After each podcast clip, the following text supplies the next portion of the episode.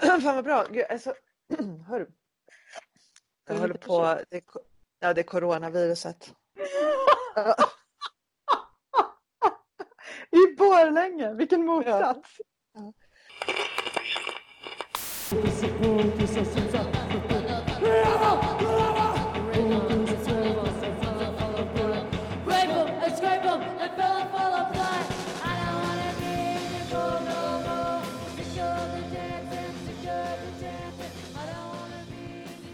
gud, Vet du att det är baconkris i Sverige? va, berätta mer. Ja, det stod i tidningen idag att det är fullständig kris för det är slut på bacon i hela landet. I hela landet. Ja. Det lät ungefär som att vi kan vänta oss nationella protester. Men vad beror den här krisen på då? Ja, det är antagligen slut på kris. Men jag tänker ju så här att baconet är ju en del av grisen. Bacon, ba- baconet produceras ju tillsammans med en massa andra grisdetaljer. Om, om baconet tar slut så borde ju massa andra delar av grisen också Ja. ta slut och vara en kris. Alltså det föddes så mycket tankar i huvudet när, man, när jag läste den här nyheten. Och framförallt också motsatsförhållandet då till att vi samtidigt då rekommenderas att dra ner på vår köttkonsumtion för miljöns skull och hälsans skull. Och sen utlöser alltså en baconkris. Och det är också O'boy-kris samtidigt för O'boy har ju ändrat sina förpackningar till en mer miljö klimatsmart påse. Men då utlöser vi en till O'boy-kris. Vi minns alla den förra. När, Vad blev det för kris med de mer miljövänliga förpackningarna? ja, men det ser inte ut som det brukar. Nej, okej, de har ändrat. Ja. Då, Ja. hänger, då hänger jag med. Ja. Ja, det är jobbigt. Ja, för jag, jag tänkte på, på baconet idag och på motsatser. Att eh, vi vill att allt ska vara som det har varit men samtidigt så vet vi att det inte borde vara så. Ja, det är jätteintressant att du, att du tar upp det, för det är lite i samma områden jag har rört mig när jag har funderat på det här. Ah. Idag, idag ska vi ju prata om motsatser, Mm. vilket kan vara det mest konstiga ämnet någonsin egentligen, tänker jag. Ja, fast Eh, himla roligt för jag har tänkt väldigt mycket på motsatser. Och motsatser är så väldigt hjälpsamma när man ska skriva och när man ska skapa tycker du det? Jag kan, inte du, kan inte du berätta lite om det då? Men så här, vad skulle Harry Potter vara utan Draco Malfoy? Mm. Och vad skulle Snövit vara utan den elaka styvmodern? Och hur Mm. spännande skulle Victor Frankenstein vara utan sitt monster? Och hur spännande skulle Bamse vara om inte Krösus Sork och vargen fanns där? Och, ja. Seinfeld har ju sin Kramer som liksom förstärker allt det galna i hans liv. Nej men det handlar på något sätt om att eh, motsatsen, motsatserna förstärker varandra. Skapar Mm. man en karaktär så kan man förstärka den genom att skapa en motsats och det kallas på engelska för foil. Mm. Du då? Vad har du tänkt på? Men vadå, är det allt? Du måste väl Ja, säga det det. mer om det här? Nej men vad leder, då tänker jag så här, ja en motsats. Mm. Men en motsats är ju, blir ju helt ointressant om det verkligen är en total motsats. För att om, det, om du har en total motsats då har du ju inga gemensamma beröringsytor. Och då kommer de här ju aldrig möta varandra. Och då skapar du ju ingen spänning. Om du inte har Det är intressant här. Det är ju underbart. För att sen så när man har skapat den där motsatsen då börjar, måste man ju börja dra lite likheter. Och då, eh, här är det himla intressant för nu börjar man tangera psykologins område och lite Paula Abduls sång Opposites Attract. Ja. För att det beror på var man lägger motsatsen någonstans. Ja. Eh, och då har jag läst lite ytligt här om psykologisk forskning om just relationer och par och hur det funkar att, att eh, motsatser kan attrahera varandra väldigt starkt. Eh, att man tycker att någon är spännande och intressant och skapar en, en liksom spänning mellan två människor som ska bli tillsammans eller attraherade av varandra. Men i det långa loppet så fungerar det sällan om motsatsen ligger på ett djup där man har olika värderingar. Det funkar Okej. om man har olika beteenden om och utseende eller vad det nu är för någonting på en liten så här, jag är extrovert och du är introvert men om någon är en total manschauvinist då och är tillsammans med en extremfeminist. Det här kommer inte funka i alla sammanhang, det fattar du. Men så den grundläggande värderingarna. Något är ett as och, och har väldigt obehagliga värderingar och en annan kanske är, um, har väldigt liberala värderingar i sitt liv så blir det svårare. Och lite där menar jag att det är någonting som är, är rörligare än som du, det andra alternativet som du nämner där, var extrovert introvert till exempel. att man kan ju dra i de här olika plattformarna i en Mm. karaktär och, och göra dem mer eller mindre lika. Och Brukar blir- du göra så här när du Ja, jag, jag skriver? tänka på det himla mycket nu och då kom jag på en, en eh, lek. Så här. Ja. Att skapa en karaktär genom att göra dess motsats först. Ja. Alltså att man vill bygga en, eh, en protagonist i, en, i sin historia. Ja. Och så börjar man med att skapa dess antagonist eller foil då, alltså totala motsats först. Antagonist behöver inte vara den totala motsatsen, men om man har en, eh, en total motsatsperson. Mm. Det tycker jag var ganska eh, kul att tänka på. För då kan man Mm. beskriva en massa karaktärer som man inte vill ha i sin karaktär och så får man liksom två stycken gratis. Va?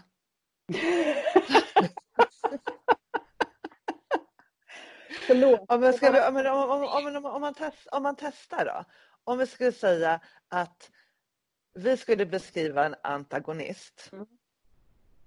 Och ur den antagonisten så vill vi få två eller kanske tre protagonister. Och de protagonisterna skapar vi utifrån då beskrivningen av antagonisten och som motsatser till antagonisten. Men protagonisterna ska, blir i sin tur då tre olika individer som kommer ha sina egna relationer. Är det så du menar? Ja, så skulle man kunna göra. Det låter intressant. Ja, Jag började skissa på en antagonist som jag tyckte var lite Ja. rolig. ja Ja. få höra. Eh, Jag har kallat honom för Dunning-Kruger. Det är en psykologiterm, Ja, eller hur? Den Ja, får du jättegärna förklara lite. term, Dunning-Kruger-effekten. Och det beror, det handlar om att, kortfattat, man är för dum för att förstå att man är dum. Mm. Eh, I mitt huvud så tänker jag på Donald Trump hela tiden. Att man är liksom lite för dum för att förstå att man gör dumma saker, att man tänker dumt. Och det går inte, det blir som en, ett moment 22, det går inte att argumentera för att du är för dum för att fatta. Ja. Och i Dunning-Kruger-effekten så ingår också ett självförhärligande. Att man själv tror att man är mycket smartare hela tiden. Det skiljer ofta smarta människor som plågas av självtvivel och jag är inte bra nog och andra psykologiska effekter när man eh, ja, tror Ja. att man bluffar hela tiden. Jag då som precis har kollat igenom tio säsonger av Vänner tänker ju på Joey naturligtvis när du säger Ja. så här. Ja men absolut, så himla gulligt. Ja. Men det är en intressant så här, term att tänka på. Eh, hur blir man om man inte förstår att man är för dum? ja. Mm. Och då tänkte jag på, eh, jag gjorde Dunning-Kruger till en man för det passade med namnet.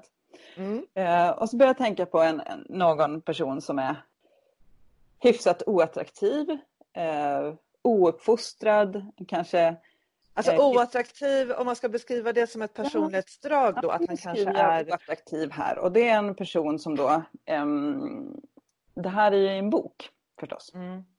som kanske har eh, ett förfärligt utseende står det ju till exempel i när, när eh, Mr Hyde beskrivs i böckerna om Dr Jekyll och Mr Hyde så ser han för, förfärlig och grotesk ut.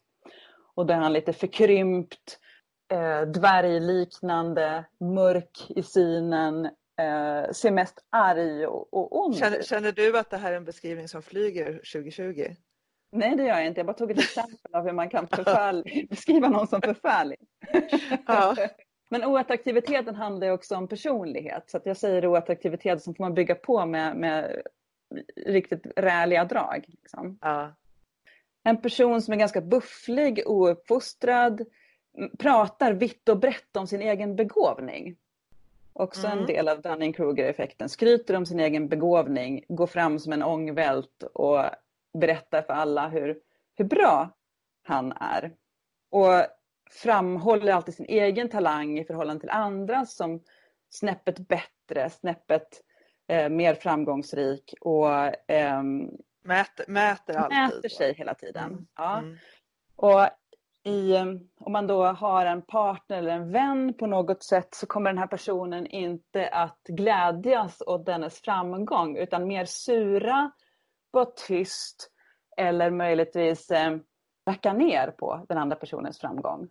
Och då redan där så börjar man bygga en, en annan person i motsats till, till den här Mm. som kanske får huka för aggressionsutbrott när det går bra för den. Man tar eller- ut sina, sina frustrationer då på Ja. omgivningen. Precis. Eller så här, ponera då att partnern till en sån här person kommer hem och berättar Åh wow, jag fick en löneförhöjning eller Åh, jag ska få ett pris inom mitt jobb och då reagerar den här personen med att säga "Nej, men jag får inget pris. Det går alltid så dåligt för mig.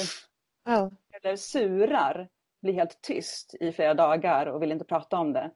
Eller suckar och, och guilt-trippar och bara Ja, det går inte så bra för mig. När fick jag en löneförhöjning sist? Mm. Ja, men lite sådär. Mm. Eh, Dunning-Kruger ser heller inga gränser utan eh, kan liksom dundra fram åt olika håll och berätta hur saker och ting ligger till. Kan vara en sanningssägare då alltså? Ja, men en sanningssägare utifrån och gärna föreläsare och, och på så Ja. sätt då. Och här Ja. i har vi byggt den här attra- oattraktiviteten. Sen kan man ju lägga på andra drag också. Det går ju att bygga en Dunning-Kruger som är fysiskt sett otroligt tjusig. De har byggt Jag, en jag tänker så, varför har den här människan ens ett umgänge? Tänker du då? Men vi har alla träffat sådana här människor, helt övertygad om det. Men i alla fall, om vi skriver thriller eller skräck så tänker jag att den här människan då till sist eh, mördar sin partner eller vän av ren avundsjuka. Det skulle kunna vara ett sådant event som man kan lägga in. Mm. Det var min så här snabba skiss på Dunning-Kruger. Protagonisterna då, då i relation till en sån här? Det var min fråga till dig, vad får vi för protagonister? Ja, jag skulle, jag skulle ju tänka så här att eh, spontant så skulle jag säga att de människorna som står i någon typ av relation till honom, Dunning-Kruger här, gör det för att de måste, de är intvingade i det, de har någon form av yrkesmässig relation eller någonting sånt. Jag har väldigt svårt att se att en människa, eller, eller att man är en nära släkting, man är Mm. en förälder eller ett barn eller ett syskon på något sätt som gör att man kanske inte helt och hållet kan Mm. bryta med en, en, den här eh, Mm. människan. Mm. Eh, det är ju det första. Det finns Så jag slags mig- tvång eller någonting Ja, sånt där i det. Ja, någon, någon Mm. typ av nära släktskap Mm. eller då en yrkesmässig, det kanske är ens Ja. chef. ja. Mm. Så att man står i, i eh, någon form av beroendeställning. ja. Beroendeställning, det är bra. Mm. Mm. Och sen kan det ju vara, men det här som du var inne på, om man har varit, för att den här människan kan ju också ha utvecklat de här dragen. Man kan ju ha haft en, om man har en partner, man kan ha haft en långvarig relation där det inte var på det här sättet från början men att det någonstans har utvecklats under tid. Och Mm. då kan man ju ha den här partnern som kanske då har Mm. anpassat sig efter, efter människans beteende. Då kallar vi det svänga mot Dunning-Kruger. Eh, att han gör det. Att han svänger mot Dunning-Kruger. ja, precis. Ja. Eh, under, under tidsförloppet liksom. Ja. Mm. Men, men pe- personligen så skulle inte jag sätta Dunning-Kruger, alltså den här Dunning-Kruger i en sån relation. Mm. Utan jag skulle, jag skulle nog sätta en medarbetare till Dunning-Kruger Mm. och ja, kanske en, ett syskon till honom också tror Mm. jag. Vad kul. Ja, men han, är ju för, han är ju för svår att ha, ha att göra med. Ja, absolut. Eh, Även, även, även att skriva om honom tycker jag. Mm. Jag tänker lite på om man då, då skiftar, då kan man börja dra i Dunning-Kruger här nu. Vad, vad kan man ändra på för att få honom mer intressant? Tänkte jag lite på David Brent Ja, i The Office, ja, som är också för dum för att förstå att han är dum. ja. Man är ju ändå inte ond och ogin utan han bufflar också på om sin egen förträfflighet hela tiden Mm. eh, och förstår inte riktigt vad han gör för fel. Men han är inte medvetet elak och våldsam eller hemsk på något sätt utan han blir en humoristisk karaktär i att han faktiskt liksom, av, tro, tror jag av ren välvilja gör olika saker som, men också framhäver sin egen förträfflighet. Då har man en komisk karaktär där. Precis, och då blir det lite mer intressant. För, men, Mm. men, då, men då handlar det också om, tror jag, tänker jag, det här att man lägger in de här gemensamma ytorna. För att Mm. om du då har den här gemensamma då arenan eller mötesytan som Mm. komik till exempel, Mm. så får du ju in ytterligare mycket mer och som du säger att han blir ju, ja, nog kan man ha lite sympati för David Brent. Ja, absolut. Eh, Öm, ömma lite för Ja. att han är så... Att, Ja. man, att man ser att han på något sätt också döljer en osäkerhet Ja. I det här och som en, en sårbarhet som ibland spricker fram. Mm. Eh, Precis. och ju, då, då blir det ju Mm. spännande. Och det är ju lite så som man tänker om man ska gå tillbaka till Draco Malfoy då i Harry Potter. Så finns det tillfällen i Harry Potter där han eh, får på något sätt ta hand om Draco Malfoy när det har hänt någonting. Och får liksom känna en viss sådär medkänsla med honom och han har en jävligt vidrig farsa till exempel. Och det finns flera saker som Harry kan känna igen och ömma med honom. Och det ger ju en viss sådär sympati fast man ändå tycker himla illa om den här personen. Man börjar i motsatsen och sen så börjar man dra i olika delar och hittar en, en spännande karaktär. Så min, min utgångspunkt i det här var helt enkelt börja med något så helt motsatt. Och sen så kan man leka ut lite olika karaktärer. Mm. Det är ganska intressant och det jag tänker att det, det en sån teknik skulle framhäva det är ju just den här relationsmässiga delen emellan människor. Mm. Att det hela tiden är någon form av fält Mm. som, som påverkar varandra åt Mm. båda hållen. Mm. Tänker jag. Och, då, och, och, och det här sättet kan ju vara en teknik för att komma åt det tydligare. Absolut. Dunning-Kruger-tekniken. Vad har du tänkt om motsatser då? så här, när det gäller, när det gäller motsatser så skulle jag vilja vad ska man säga, hitta och beskriva en motsats i tidsandan. Mm. Och då ville jag utgå ifrån mig själv, någonting som, som jag reagerar på. Eh, Mm. och det här, det här är en ganska, jag ska försöka förklara, jag kommer att komma fram till, till skräck i, i slutet, så var lite tålmodig och, och häng med i den här, eh, jag ska försöka lägga fram några premisser och sen tänker jag att vi efteråt under de här premisserna ska, ska hitta skräcken. Vad jag tänkte börja i, det är en grej som jag märker att jag har stört mig jättemycket på under ganska lång tid faktiskt. Och det handlar om klimatet eller klimatförändringarna och medelklassen. Och framförallt då hur medelklassen förhåller sig och uttrycker sig kring det här. Eh, Mm. Klimatkrisen alltså. Mm. Eh, och då framförallt i sociala medier. Mm. Eh, för att jag har ganska länge måste jag säga provocerats av eh, hur människor hanterar det här i sina eh, sociala flöden. Eh, hur, man, hur man hanterar det och hur man, jag håller på, och hur man, hur man diskuterar det. Och det här är ganska jobbigt att erkänna för att jag upplever nämligen väldigt ofta någon slags som jag skulle kunna likna vid självhat nästan när jag ser det här. Eftersom jag då till själv, själv antar att jag tillhör, jag får väl säga tillhöra medelklassen. Så att jag bara reagerar på det här sättet säger Mm. att jag är eh, helt insyltad. Men okej, eh, exempel tänker jag säga. Hur beter sig folk? Eh, och då kommer jag att ta några exempel från dig faktiskt. Mm. Eftersom jag tycker att det är ett väldigt, väldigt bra, eftersom du sitter här och vi pratar tillsammans. Eh, men det är, ju, det är ju bara exempel, ska vi säga. Mm. Så här, det, det är tre stycken exempel som jag ska ta upp. Då, det första exemplet är efter översvämningen i Venedig som var nu. Mm. Så la du upp en länk om det här nödläget och så skrev du så här. Snart får vi snorkla för att se Venedig och Maldiverna, Vietnam, Bangladesh, Skåne. Vi är närsynta. Vi borde skämmas på riktigt. Mm. Det är det, det är det första exemplet. Det andra exemplet är att du vid något tillfälle har lagt upp en länk till någonting som heter shameplane.com. Mhm, Och, just det. ja, Mm. och på den, och på den, det är en webbsida då där man kan se exakt hur mycket arktisk is som kommer att smälta när eh, du gör den här nöjestrippen då mellan Stockholm och New York. Mm.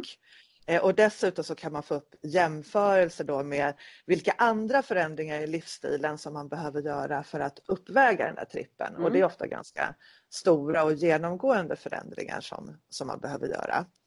Och sen eh, nu här för bara några timmar sedan så la du ju faktiskt upp när jag gick in, gick in på Facebook här i morse. Det första jag ser är Madeleine Bäck som skriver så här.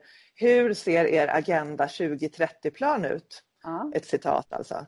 Pratar med bankens fondförvaltning och ställer den enda rimliga finansiella frågan just nu. Gör det du med. Mm. Så att tre, tre exempel har jag här och det här är ganska, det här är långt ifrån de, vad ska vi säga, de mest, eh, mest provocerande exemplen. Det här är ju Mm. ganska, det här är ju ganska liksom, normala saker. Det här är, de är inte särskilt överdrivna. Det finns ju mycket, mycket mer. Det som folk lägger upp är, det är larmrapporter, det är olika skräckscenarion, det är, ja, det är, liksom, det är katastrofbilder som Mm. målas upp. Och jag försöker ju komma på vad är det i det här som stör mig? För att Mm. jag är ju jag är ju med i sak här. Jag tror ju också liksom att vi är illa ute. Jag tänker att vi har en livsstil som inte är hållbar och att vi har klimatförändringar som faktiskt påverkas av mänskliga eh, aktiviteter. Så vad är det då i det här som liksom jag blir så illa berörd av? Mm.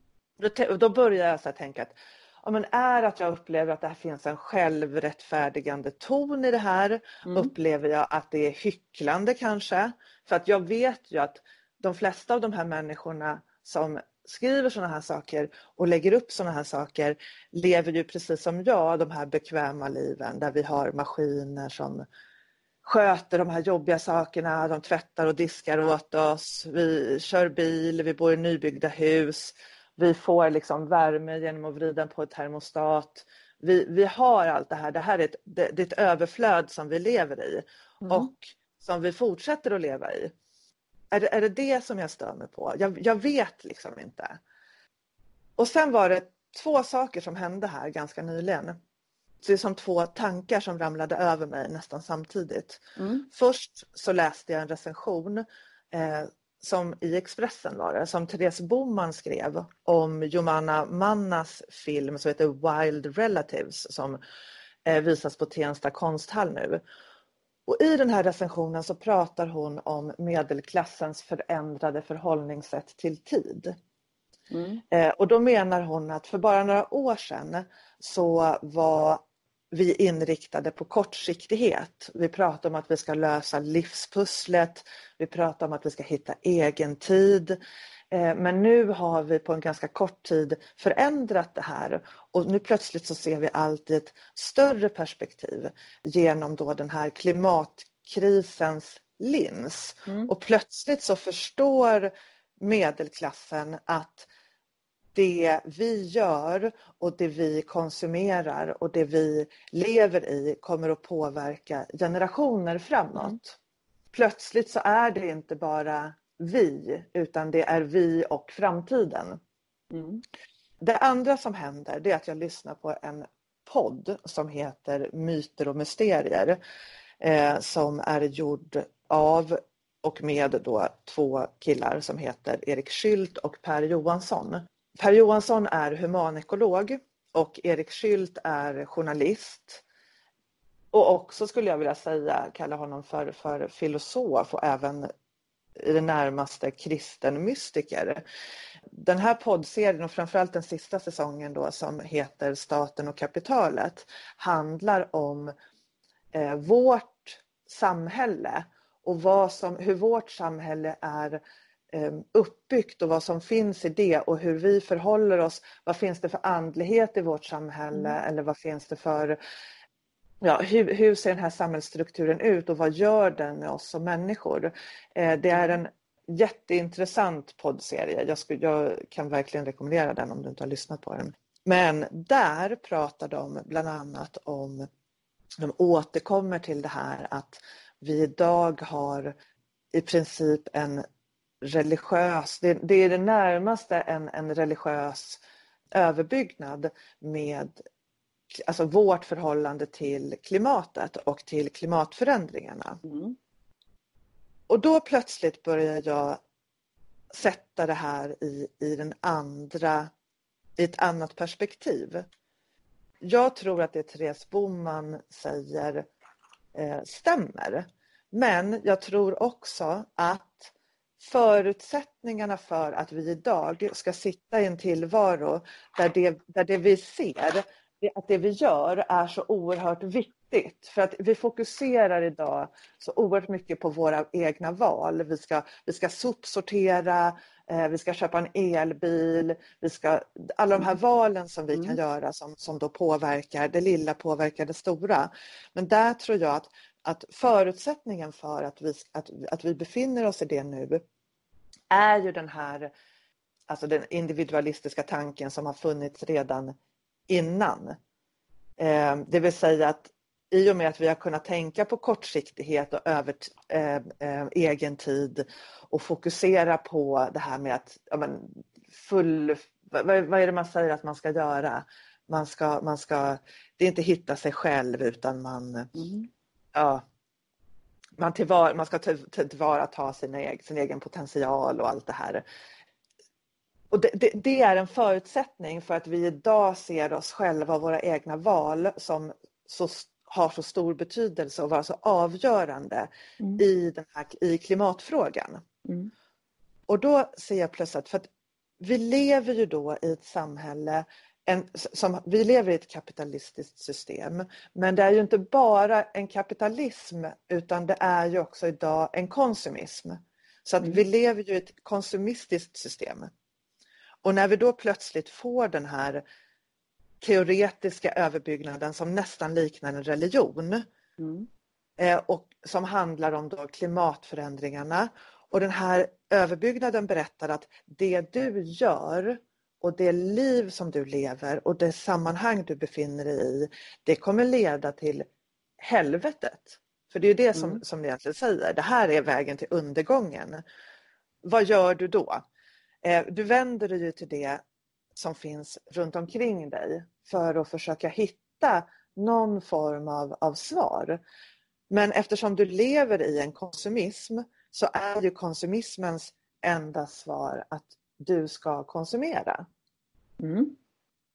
Det säger ju då den här överbyggnaden att det är inte det, det är inte lösningen. Mm. Och det är här vi börjar närma oss någonting. För plötsligt, plötsligt började jag fatta det här. Om jag, om jag ser det i det perspektivet, i de förutsättningarna, så ser jag plötsligt att det här är inte någon form av beskäftiga uppmaningar om hur andra människor ska leva sina liv.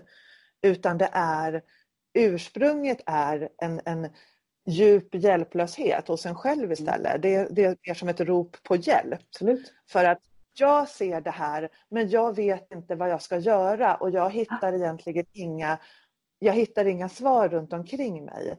Det, ut, det, det grundar sig i rädsla snarare än någon form av eh, ja, beskäftighet. Ja. Och det är här, tänker jag, här kommer skräcken in. För att när jag plötsligt ser att det här är ju rädsla, då öppnar sig det här stora, den här stora, stora spännvidden emellan då det vi lever i och det vi säger att vi borde ha eller vi borde göra eller det vi Mm. borde vara. Och i det ofantliga utrymmet som finns däremellan, där, där finns skräcken. Och då är frågan, vad gör man, vad gör man där? Vad, vad är en, en skräckberättelse som Mm. utspelar sig i, i den här glipan? Jag förstår. Mellan Ja. det i frustrationen och rädslan mellan det vi gör och det vi borde göra. Ja, det är himla bra. Ja, Rädslan i, mellan motsatserna. ja. Ja. vad är det vi är rädda för? Men vad är det som driver människor? Och det är ju det handlar ju om framtiden. Mm. För att om det inte fanns någon framtid så skulle vi, vi skulle ju kunna fortsätta leva så här. Eh, och, och eh, vi skulle sabba för mänskligheten inom en Mm. generation. Men de flesta av oss vill ju ändå att, att släktet ska överleva. De flesta, många av oss har barn och, och tänker att, det här ska, att vi, ska, vi ska fortsätta att finnas. Ja. Och då kanske skräcken kan ligga i just det här, vad händer för våra barn? Och då kan man tänka dig, tänk dig till exempel ett scenario där dina barn eller dina barnbarn kommer tillbaka till dig och anklagar dig för Mm. det här, ser du vad som hände? Vet du hur det är för oss? Vet du hur, hur vi har det? Och det här beror på det ni gjorde. Mm. Det här som generationer ofta tänker att, Mm. eh, som också finns i den här tidsandan mellan, mellan generationerna. Vi sitter ju gärna och pratar om hur bra 40-talisterna hade det och eh, att typ vi är den första generationen som, som får det sämre än typ vår föräldra, föräldrageneration. Och det är ju inte sant såklart. Det är ju ett väldigt kortsiktigt sätt att, att se det. Men det är ju sant för oss. Men tänk dig scenariot att våra barnbarn, mina barnbarn kommer tillbaka till mig och Mm. berättar att så här blev världen. Vi, ja, jag, jag, jag vet inte. Nej, men jag förstår vad du menar. Ja, Så för att bara kommentera det, Mm. så man kan ju få ut massa olika drifter ur det där. Det som du säger nu, det Mm. var ju faktiskt den tanken som fick mig att eh, sluta på mitt tidigare jobb och börja jobba heltid nästan då med hållbarhetsfrågor.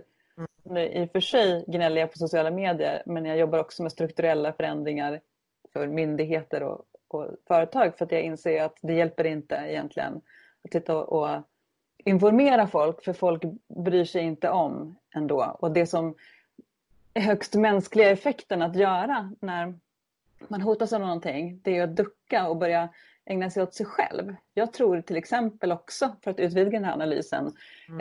eh, eh, att våran så här, kroppsfixering och hälsoiver är också någon slags sätt att döva en existentiell ångest för undergången. Att då kan jag i alla fall förbättra min egen kropp. Jag kan göra någonting. Jag kan i alla fall bli frisk. Jag kan äta bönor och GI medan världen går under. Det kan jag göra. De delarna. Men ja, jag tror definitivt att du har eh, en intressant, ett intressant storybygge i det Mm. också. I att eh, motsatsen då, att mm, inte vet jag, framtidsdystopier är ju väldigt populära just nu. Och Ja, eh, det här komma tillbaka och anklaga den tidigare generationen.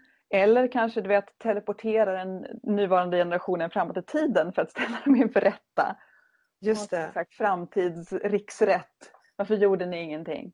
Och det där tror jag att jag såg, för att gå till mig själv då, som du har tagit mig som Ja. exempel.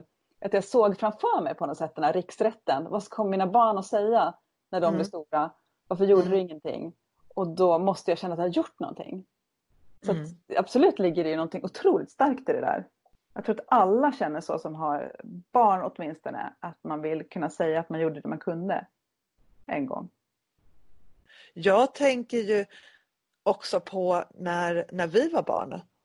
För att de här, de här frågorna fanns ju redan då. I alla fall, i alla fall jag hade dem. Mm. Eh, miljöförstöring och liknande var ju Ja, högt på agendan då. Det var ozonlagret, det var säldöden, i- det var ju Ja. Östersjön som i princip räknades som ett dött hav på 80-talet. Försurningen. Eh, Det var ju otroligt mycket.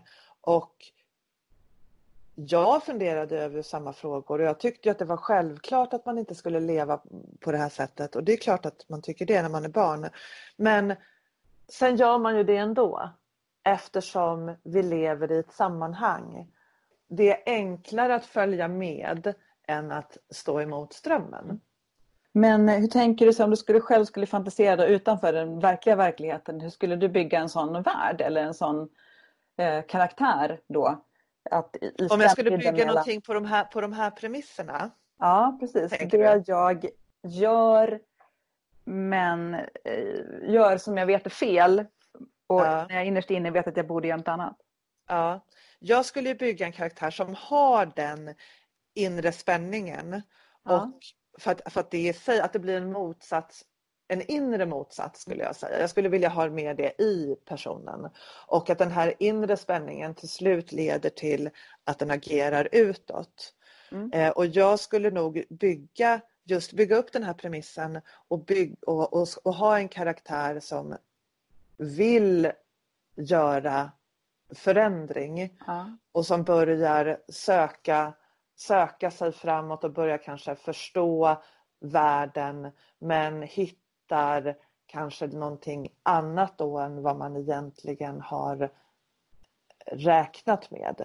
Man Mm. kanske hittar någonting eh, ondskefullt eller så inbyggt i själva systemet. Det Mm. kanske finns någon typ av utommänskliga eller övernaturliga drivkrafter. Det kanske finns någon form av medveten ondska i det här för att det skulle jag ju tycka var Som med filmen The Matrix tänker du? till exempel. Ja, det är lite men, så. men kanske inte så mycket sci-fi. Nej. Nej, men oerhört Ja, intressant. Ja, Jag tänkte faktiskt också på inre motsatser innan och, och, och då loopar jag tillbaka till Dr. Jekyll och Mr. Hyde. ja, Där ju de inre motsatserna visualiseras då genom att eh, eh, Dr. Jekyll dricker en tinktur för att frigöra sina mörkaste drifter och de materialiseras ju i Mr. Hyde. Allt det man inte får göra, all den ondska vi alla bär på, alla drifter och, och eh, hemskheter materialiseras i honom och förfular honom också så att han dessutom blir förfärlig inuti och utanpå. Och det är ett sätt då att, att liksom leka med motsatser. Och, där, men där, och det var ju inte så, det gick ju inte så bra för honom. Där, ble, där blir det ju väldigt tydligt men där att man inte ska ge efter Ja. för det här, det här inre. Vilket man kanske inte riktigt, det, kan- det kanske, man kanske förhåller sig till det där, närmar sig det där ämnet på ett annat sätt idag tänker jag. ja, absolut. Ja. Men jag tycker nog att det är fortfarande ett jätteintressant tema. Mm. Den inre Hur gör, hur gör de i den inre motsatsen ja och hur, hur hanterar man de här? Hur hanterar du drifterna? Hur hanterar du det ociviliserade i dig Mm. som inte har plats i, Mm. i det moderna samhället? Mm. Då tänker jag lite på eh, deckargenren ibland då, Mm. som ofta har en protagonistisk eh, eh, polis eller någonting sånt där som nästan alltid har något så här osympatiskt drag. Ja, Som de gör lite i hemlighet. Supa är ju så uttjatat som det eh, kan vara. Men jag tänker till exempel på Johannes Pinter och Mattias Leivingers eh, De mörkermärkta. mm. Där man har en detektiv eller poliskaraktär eh, som då har en slags inre drift att uppleva smärta. Mm. Så att hon ger sig av och blir upphängd i krokar i taket då och då. Ett skumma tillhåll i, i Stockholm. Iris Riverdal tror jag att den här karaktären heter. Och hon, eh, det på något sätt den här mörkret löser hon genom att skada sig själv då. Jag läste första boken men det var ett tag sedan nu så att jag, jag minns ju den här krogscenen. Mm.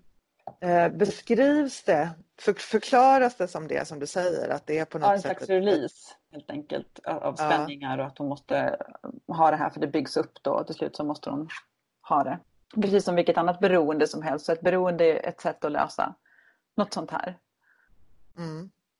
Kan man ha hur mycket motsatser som helst i en karaktär? Kan man liksom, Det är kan en bra fråga. när, när för, no- vid någon punkt när jag ändå känner att så här, nu, det brister det här, Ja. det här funkar inte. Ja, vet inte. Alltså, jag tänker som tänker i övrig kommunikation. Välj en eller två eller max tre saker att fokusera på. För man Mm. väljer för många grejer så blir det alldeles för spretigt. Och det blir inte bra. Välj en eller två grejer ska jag säga och gör det himla bra. Mm. Beskriv den här ångesten eller det här självskadebeteendet eller vad sjutton det nu är. Eh, på ett sätt som man verkligen köper det. Jag tänkte också Ja. på Hannibal Lecter faktiskt som en sån motsatskaraktär. som är så här oerhört belevad och eh, lagar mat på Michelin-guide-nivå men av människor. Alltså skriver du så är det ju inte en riktig människa. Det är ju alltid en karaktär. Eh, vilket gör att det blir, det blir på ett sätt enklare att göra det här. Man kan, ju, man kan ju välja bort oerhört mycket. Riktiga människor fungerar ju inte riktigt så. Riktiga människor kan ju ha hur mycket motsatser och kontroverser som helst inom sig i princip. Så att på så sätt så kanske det aldrig riktigt går att beskriva någonting riktigt. Men nu är ju ens uppdrag då att underhålla ändå. Om man är en, en skrivande, dramatiserande människa så, är- så, så måste man ju skapa ett drama och drama måste ju ligga i att man drar saker till sin spets. Då blir det dramatiskt. Jo men drama kan ju också ligga i att, att man blir överraskad av någonting. Mm. Men man kan ju bli överraskad av en, av en människa som man har känt i 15-20 år som plötsligt visar sig ha en egenskap eller eh, någonting som man inte alls kände till. Och plötsligt så öppnar sig liksom ytterligare en dörr hos den här människan när man Ja. ser ytterligare en, en dimension, ytterligare en bit in. Och sådana är ju vi. Vi tar ju aldrig slut på något sätt för varandra egentligen. Om vi tillåter oss att, att se varandra. Mm. Men, men så, kan man ju, och så, så kan man ju naturligtvis skriva också. Men det ställer ju andra krav på hur man berättar och beskriver än om man tydliggör. Alltså om du har Dunning-Kruger med tre eller fyra tydliga egenskaper som han är med i Ja. berättelsen för att, för att driva historien. Det är ju två helt olika Absolut. Mm. ingångsvägar. Ja, men det är ju det. Och det finns ju massa olika karaktärstyper när man, man skriver ett drama. Protagonisten, antagonisten som liksom har något slags motsatsförhållande men kanske inte fullständiga motsatser. Och sen har man lite halvkaraktärer som hjälper till på vägen, Ja. eh, stöttar. Som kanske inte är fullt utvecklade, man beskriver dem inte, man beskriver delar av dem. Det kanske är en portvakt eller det kanske är någon granne som säger en viss grej då och då. Grannen i Beck till exempel. Ska du ha en stänkare? Vet Mm. inte så mycket mer om honom. Och Nej. det behövs inte faktiskt, för det, det är ingen huvudkaraktär. Så man måste ju sortera och prioritera. Och sen motsatsen snarare, det behöver inte vara heller någon av huvudkaraktärerna i boken. Det kan ju vara någon som är riktigt otrevlig eller riktigt Mm. god. Om man nu Mm. skriver om en ond person. För att förstärka det här obehagliga och gärna då att den här onda personen gör någonting mot den här genomgoda. Mm. Så blir det ju lite värre. Till exempel ett oskyldigt litet barn kanske möjligtvis. Varför är onda karaktärer mer intressanta än goda karaktärer? Då? Är det för att vi, vi speglar oss själva och vårt egen, tror att det är en motsats till läsaren på något sätt? Våra drifter och det här häpenheten i att kan någon verkligen göra så här? Mm. Ja, det tror jag. Och då, Mm. en älsklingsond karaktär då som också är en motsats i sig måste jag komma till nu. Ja, De onda barnen. okej, berätta. Ja, Alltså så, rent generellt som kategori, onda ja men barn. så kategori skräck. ja, Bara rama in de onda barnen i skräck. Ja, För det är på något sätt, jag tycker att det är bland det läskigaste i skräck, läskiga Mm. barn. Och det är ju för att vi får inte ihop det i huvudet. Att barn är, ska vara oskyldiga och gulliga. De är ibland dina, din egen avkomma, dina mm. egna gener. De borde vara som du. Mm. Barn är oberäkneliga. De kan plötsligt springa efter en boll rätt ut i en väg eller de kan plötsligt komma åt en kniv och vad gör man med den här mamma? Mm. Och de är empatilösa och det gör dem, alltså de har inte fullt utvecklad empati. Det har man ju inte förrän man kommer upp i 20-årsåldern. Och eh, det kan göra en sån karaktär till grym. Så att det här eh, grymheten, empatilösheten samtidigt att man förväntar sig att de ska vara eh, gulliga, oskyldiga och göra som vi säger. Och också vara som vi. Det finns det, tycker jag, något jättespännande med, med ett motsatsförhållande. Och, fram, och framförallt tänker jag också om, man, om, du har, om du har relationen barn-förälder, Mm. att då har du även som förälder utsattheten i att du ska ta hand om det här barnet. Det här är någonting som, som är, det, det, är större, det är egentligen större än dig själv. Du har inget val. Oavsett vad som ryms i det här barnet så säger biologin åt dig att du ska ta hand om det här barnet och skydda barnet och älska barnet. Och, det, och du gör det. Och den typen av karaktär kan man också inadoptera till exempel i en partner på ett lite annat sätt eller en gammal människa som man måste ta hand om. Men det starkaste av allt är nog ändå ens barn. För att det kommer aldrig bli på samma sätt med Nej. om du bygger med en partner eller så. Det är därför det där drabbar så hårt och drabbar alla som ser det. Har du några favorit onda Ja. Jag försökte tänka lite nu på det, men jag kommer inte riktigt på. Det var länge sedan jag såg några onda barn. Jag tänker på den här The Grudge. Juon. Där finns det en pojke som heter Toshio, tror jag. Mm. Som är så helt vit. Och plötsligt dyker upp och sen så låter han lite som en katt. Så här. Sitter bara bredvid och öppen mun stirrar på en och skriker. Ja, ja, Och sen det här barnet i djurkyrkogården. Som Ja. växer liv och kommer tillbaka. ja. Någon som man borde ta hand om. Som är, egentligen är glad att den kommer tillbaka men som är helt genomvidrig Ja. nu. Damien i Omen. Mm. Ja, vad heter hon då? Ester i The Orphan. Oj, den har inte jag sett tror jag. Fast då kommer vi in på en subkategori som kanske inte har så mycket med eh, din egen avkomma. För att många av de här onda barnen också är adopterade. Ja, Och det speglar ju på något sätt också den här längtan i då att bli förälder. Och sen så går det fullständigt åt pipan. Och den här längtan blir till ett hot istället. mm. Ganska Den- otäck grej ändå att göra. ja men det brukar väl också, Men det brukar vara brukar, men fast den brukar väl tolkas ganska traditionellt också det här med att passa dig för att öppna Mm. upp ditt hem för saker du inte vet Absolut. Mm. var det, var det kommer ifrån. Bevara, bevara kärnfamiljen. Mm. Onda barn är obehagligt. Onda barn är otroligt obehagligt. Om man ska prata lite mer om relationer och karaktärer, Ja. bygger relationer, så tänker jag på en film ehm, där Tom Cruise säger You complete me. Det är Jerry Maguire. Okej. Har Tror du på det? den. Där sportfilmen, sportfilmen va? Sportfilmen. Han you complete me. Jag tror, inte, jag tror inte överhuvudtaget på you complete me. Nej, Mm. det gör jag inte. Är det intressant att skriva om då?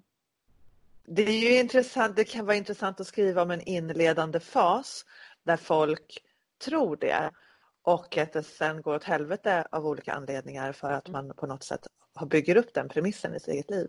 Mm. Ja, det kan vara intressant. Men Tror du på det. det eller?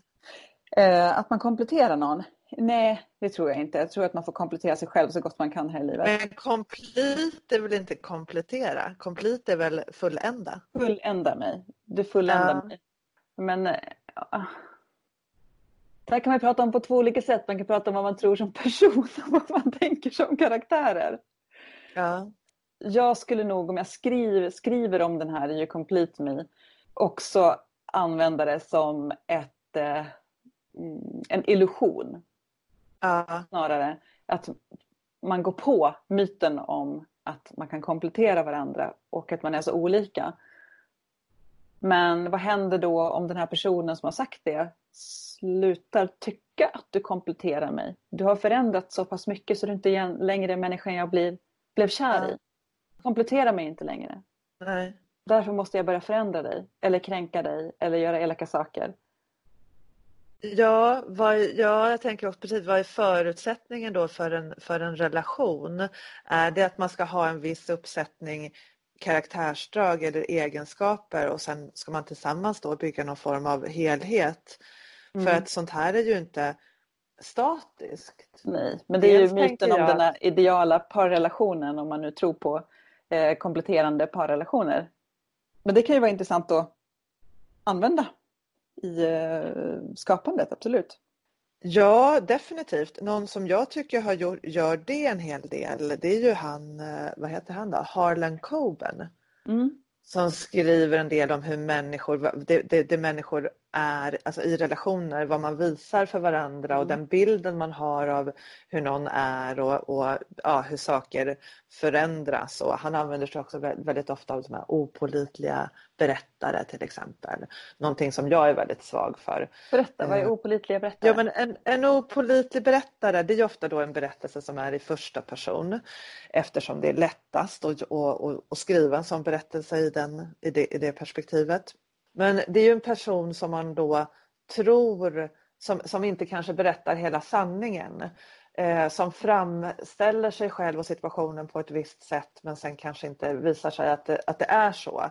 Och det här kommer fram då allt eftersom händelseförloppet fortlöper. Antingen medvetet från den här eh, karaktärens sida eller omedvetet att saker liksom sipprar in då i berättelsen och som läsare förstår.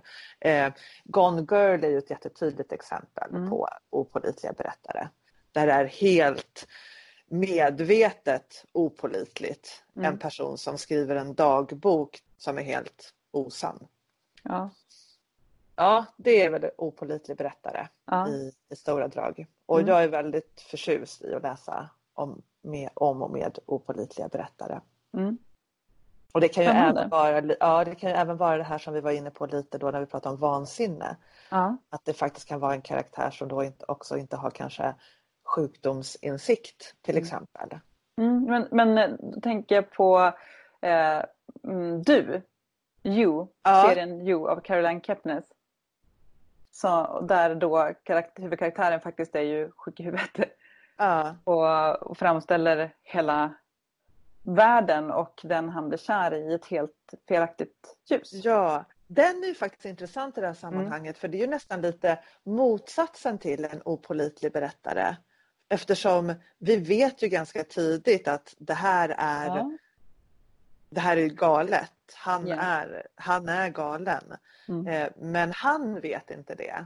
Så den, Mm. den är ju väldigt skickligt uppbyggd på Det det, verkligen. sättet. Och den, den skapar ju en motsats då i läsaren. Eller Ja, tittaren om man tittar på Netflix. Där man hela tiden känner så här, men akta dig! Han är Ja. knäpp i huvudet. Och ja, hon fattar inte det utan blir duperad av honom för han är väldigt skicklig. Eh, så det, det är spännande, skapa motsats Ja. till läsaren. Det har vi inte riktigt varit Ja. inne på. Nej, det, det är väldigt, men jag vet inte, Ja. jag har inte så många exempel på det heller, men det där är ett jättebra, ett jättebra exempel. ja, Och den, den boken ska man ju läsa bara tack vare det tycker jag. Den är ju bra och spännande för övrigt också. Men den har ett lite, lite, lite unikt perspektiv ändå. Ja. verkligen. Jag tänkte på en sak till när vi, när vi pratade om, om eh, relationer och kärleksrelationer och sådär. Mm. Så läser jag just nu en bok som är eh, väldigt bra på det här med um, förvrida en relation och förvrida ett perspektiv och göra det motsatt. Ja, Och det är ehm, Doften av en man av Agneta Pleijel. okej. Som jag eh, började läsa av tips av en god vän.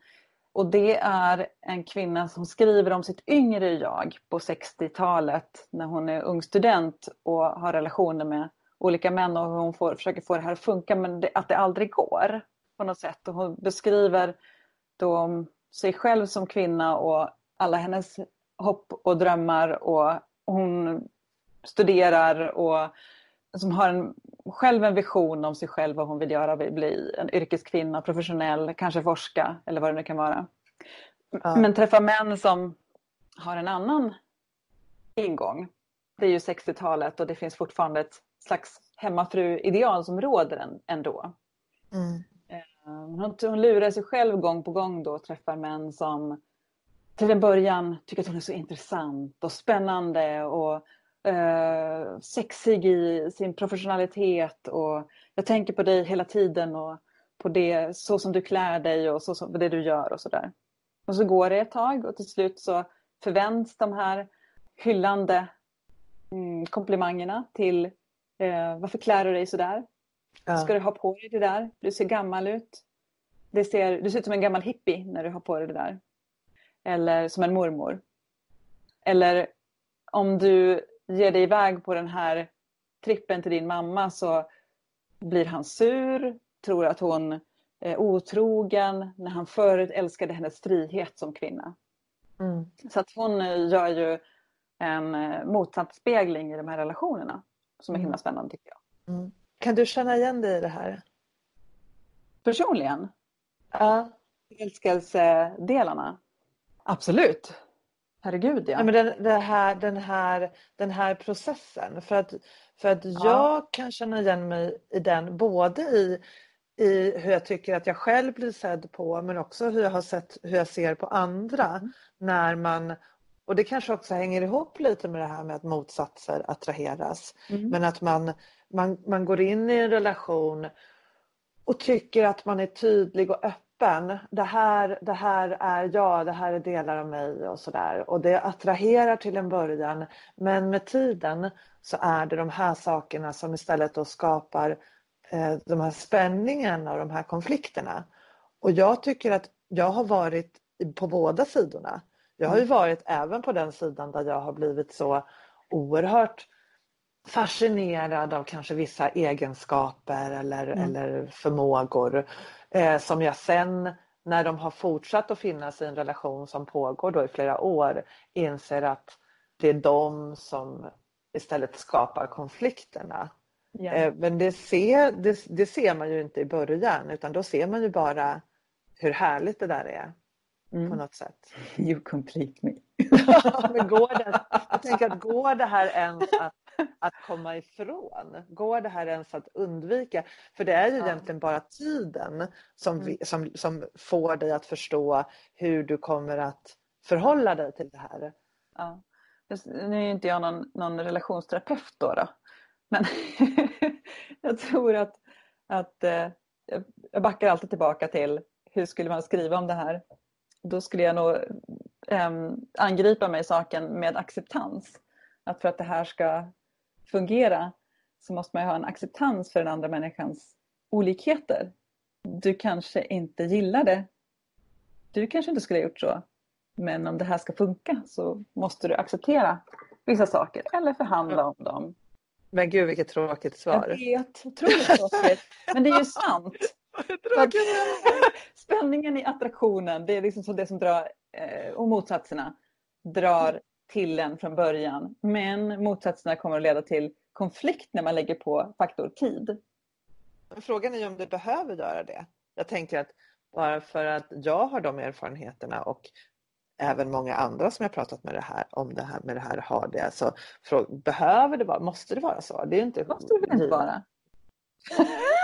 jag tänker inte lösa relationsproblem här i den här podden men pratar vi om det här generellt. Det är inte så här ett specifikt. Det är inte, det är inte en terapistund vi har nu. Jag, jag, är ju, jag är ju hyfsat ny i min relation så att jag har ju inte ens upplevt, jag har inte faktor tid. Så, så Nej, så- nej, jag har inte de här problemen just nu. Vi kommer tillbaka till det här ämnet om tio år. Men du, om vi ska avrunda då. Har du någon, så här, har du någon favoritmotsats? Natt och dag tycker jag är fina motsatser. Mm. Ja. Mm. Ja, du då? Eh, Ja, vad ska jag säga? Jag tror så här, min favoritmotsats är eh, intelligens och dumhet. Ja.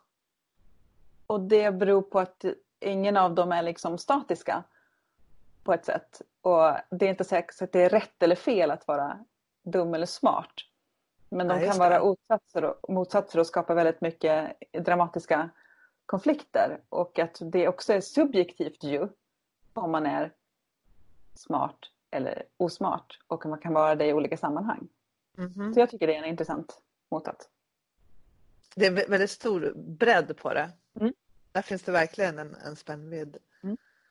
Den en krog är spännvidden. Men kul! Har vi uttömt det här ämnet för, eh, Mm. för stunden? Jag drar lite efter andan här. Ja. Men eh, tack, tack för idag då. Och följ oss på våran Instagram, Skräckologerna. Där kan ni också kontakta oss via meddelandefunktionen om det skulle vara så. Tipsa gärna om vad ni vill höra för någonting på Skräckologerna. Ja, det är jättebra. Så eh, hörs vi ja, näst, nästa gång vi, eh, vi gör något avsnitt här. Nästa gång vi orkar podda. Ja. Exakt. hej hej!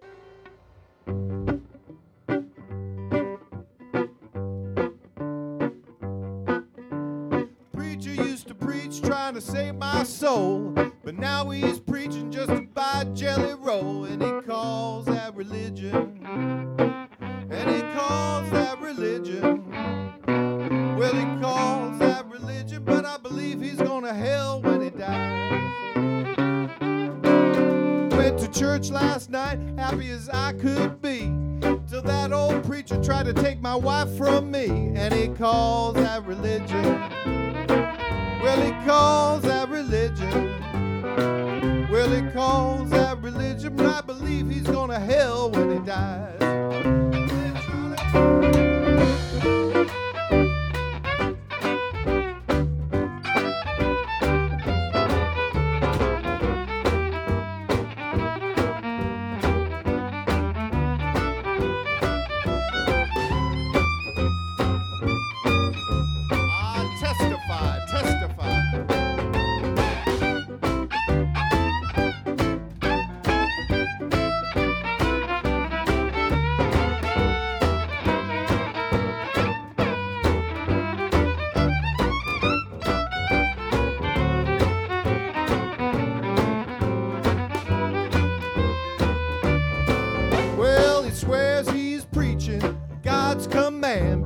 Got women fussing and fighting all across the land. Yeah, he calls that religion.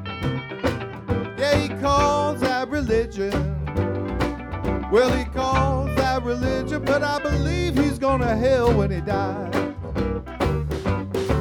Well, then the people stopped going, stopped going to church because they found out the preacher was trying to do too much, and he calls that religion. Religion. Well, he calls that religion, but I believe he's going. And when he dies, I'm gonna go there too.